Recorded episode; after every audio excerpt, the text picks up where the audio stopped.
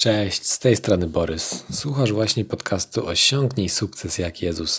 Fajnie, że jesteś. W tej audycji przyglądam się słowom i działaniom Jezusa z Nazaretu, które sprawiły, że mimo upływu 2000 lat od jego działalności nadal wiesz o kogo chodzi.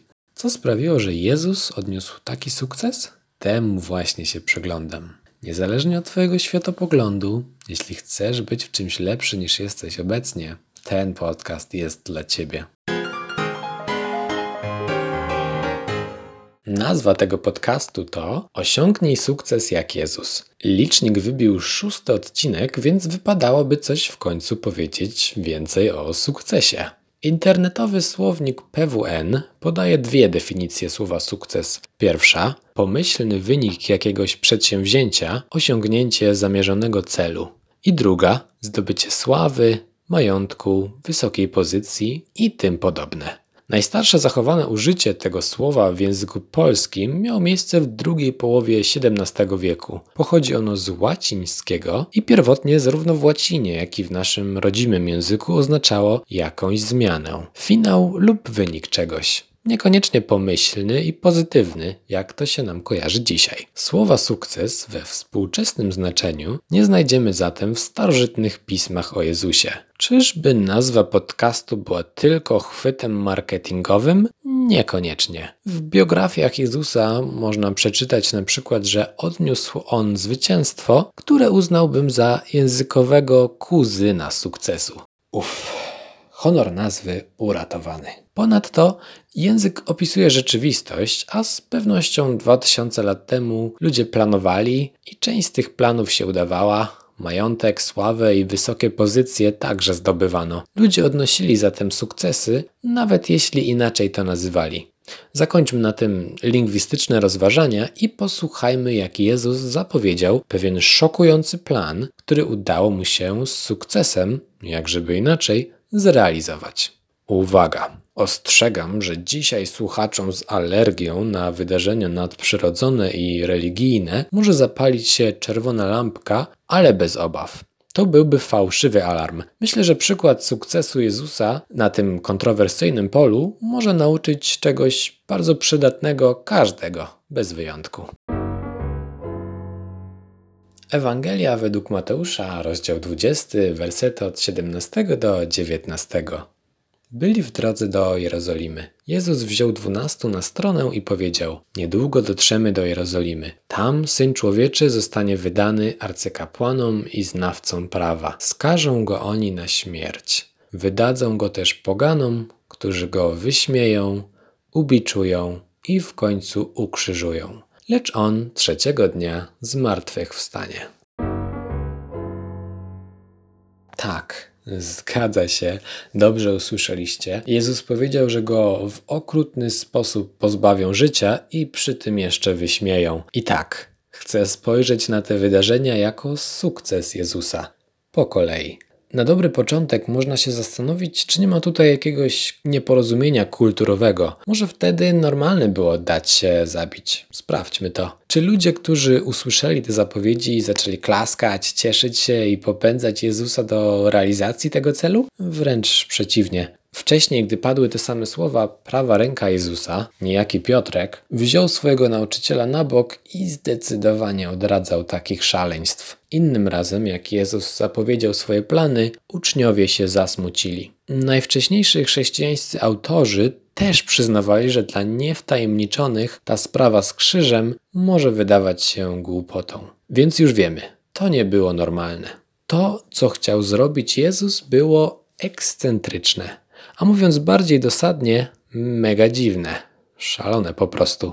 Tym bardziej, że liczni sympatycy Jezusa już szykowali dla niego wielkie plany o całkowicie innym charakterze. Był im bardzo potrzebny. Żydzi nie żyli w tamtym czasie w niepodległym kraju. Okupowało ich cesarstwo rzymskie. Sytuacja była podobna jak w Polsce podczas zaborów albo w czasie II wojny światowej.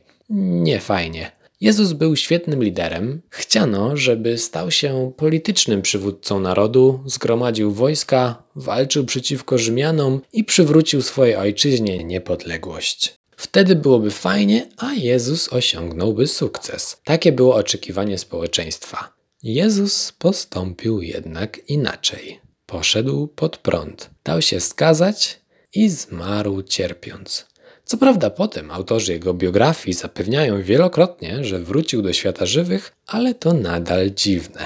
Kluczowe pytanie brzmi: dlaczego Jezus to zrobił? Odpowiedź jest prosta. Chciał pomóc ludziom i widział na to sposób lepszy niż polityka i wojna. Spróbuję do czegoś porównać jego plan. Powiedzmy, że w pewnym kraju, w erze przed internetem, telefonowanie to był koszmar. Podpisanie umowy telefonicznej było bardzo trudne. Żeby zadzwonić, trzeba było pójść do odległego i zatłoczonego urzędu. Każda sekunda połączenia była kosmicznie droga, jakość była kiepska. Rozmowy często zrywało albo w ogóle nie dało się dodzwonić.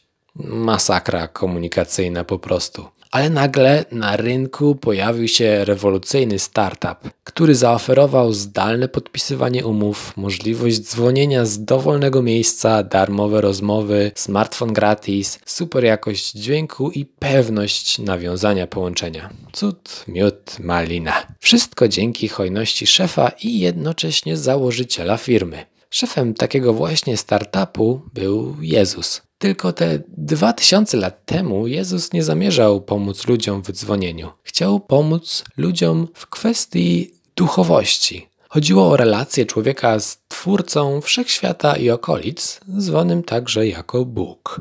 Praktykowanie duchowości było do tej pory dla Żydów trudne, a stało się dużo łatwiejsze i to dla każdego, niezależnie od narodowości. Jezusowi udało się dostać taką super ofertę dla każdego dzięki temu dziwnemu planowi, który zapowiedział. Jego śmierć i zmartwychwstanie były niezbędne, żeby dokonać rewolucji w sprawach duchowych. Dziwnym sposobem, owszem, ale skutecznym. Okej, okay. czego ten przykład Jezusa robiącego szalone rzeczy może nas nauczyć?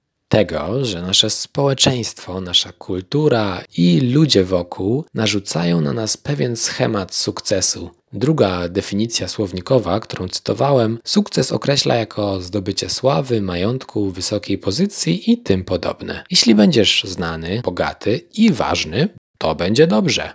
Czy to prawda?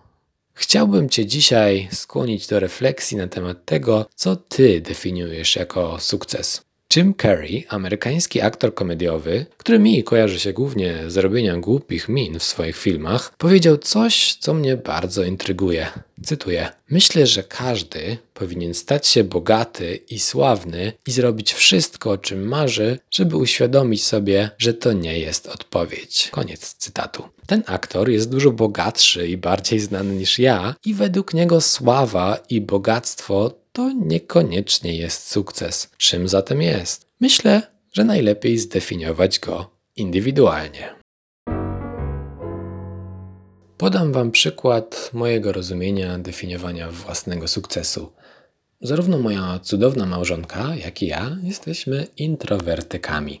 Wiedzieliśmy to już o sobie przed ślubem, dlatego gdy rozmawialiśmy o potencjalnym małżeństwie i weselu, okazało się, że mamy taki sam cel. Nie chcemy typowego przyjęcia ślubnego. Zazwyczaj nowożeńcy lubią dużo gości, piękne miejsce, starannie dobrane dekoracje, pyszne jedzenie, profesjonalnego fotografa, taniec do rana, alkohol i tym podobne. I super, część z tych rzeczy też lubimy, ale nie wszystkie. Sami zdecydowaliśmy, co to znaczy sukces weselny. Wyglądał on z grubsza tak. Najbliższa rodzina i znajomi, jakieś 30 osób, 3-4 godziny w restauracji i koniec. Bez tańczenia, poprawin i wielu innych rzeczy. I z pomocą rodziców udało się to w ten sposób zorganizować. Byliśmy bardzo zadowoleni. Zdefiniowaliśmy nasz cel, kameralne przyjęcie zamiast hucznego wesela i go zrealizowaliśmy. Wielu ludzi może uważać to za dziwactwo albo skandal, że nie mieliśmy tradycyjnego polskiego wesela. Według naszej definicji był to jednak pełen sukces. Zdefiniowanie sukcesu przez samego siebie może wydawać się nieco egoistyczne, ale zupełnie nie o to chodzi. Jeśli ktoś chce, może na przykład określić, że sukces zależy od zadowolenia kogoś innego niż my. Decyzja należy do ciebie. Podsumujmy teorię. Ludzie coś definiują jako sukces. To coś może akurat w Twoim przypadku być fajne, ale nie musi. Jezus wybrał alternatywną drogę i moim zdaniem świetnie na tym wyszedł.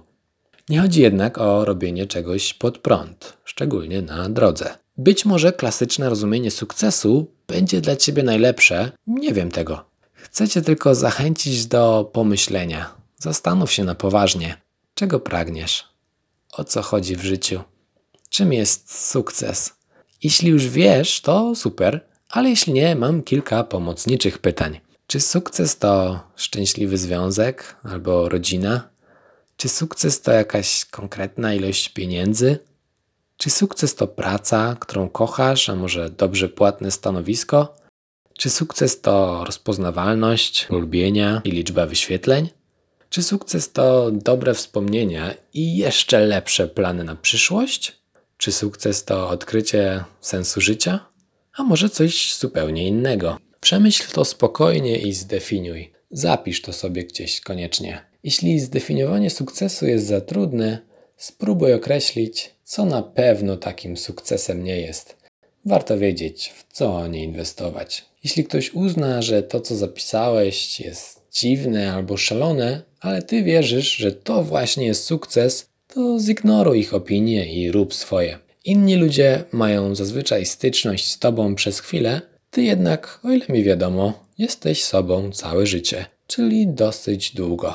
Zdefiniuj więc swój sukces, zanim ktoś inny zrobi to za ciebie. Jezus tak zrobił i z tego co wiemy, nie żałował ani trochę.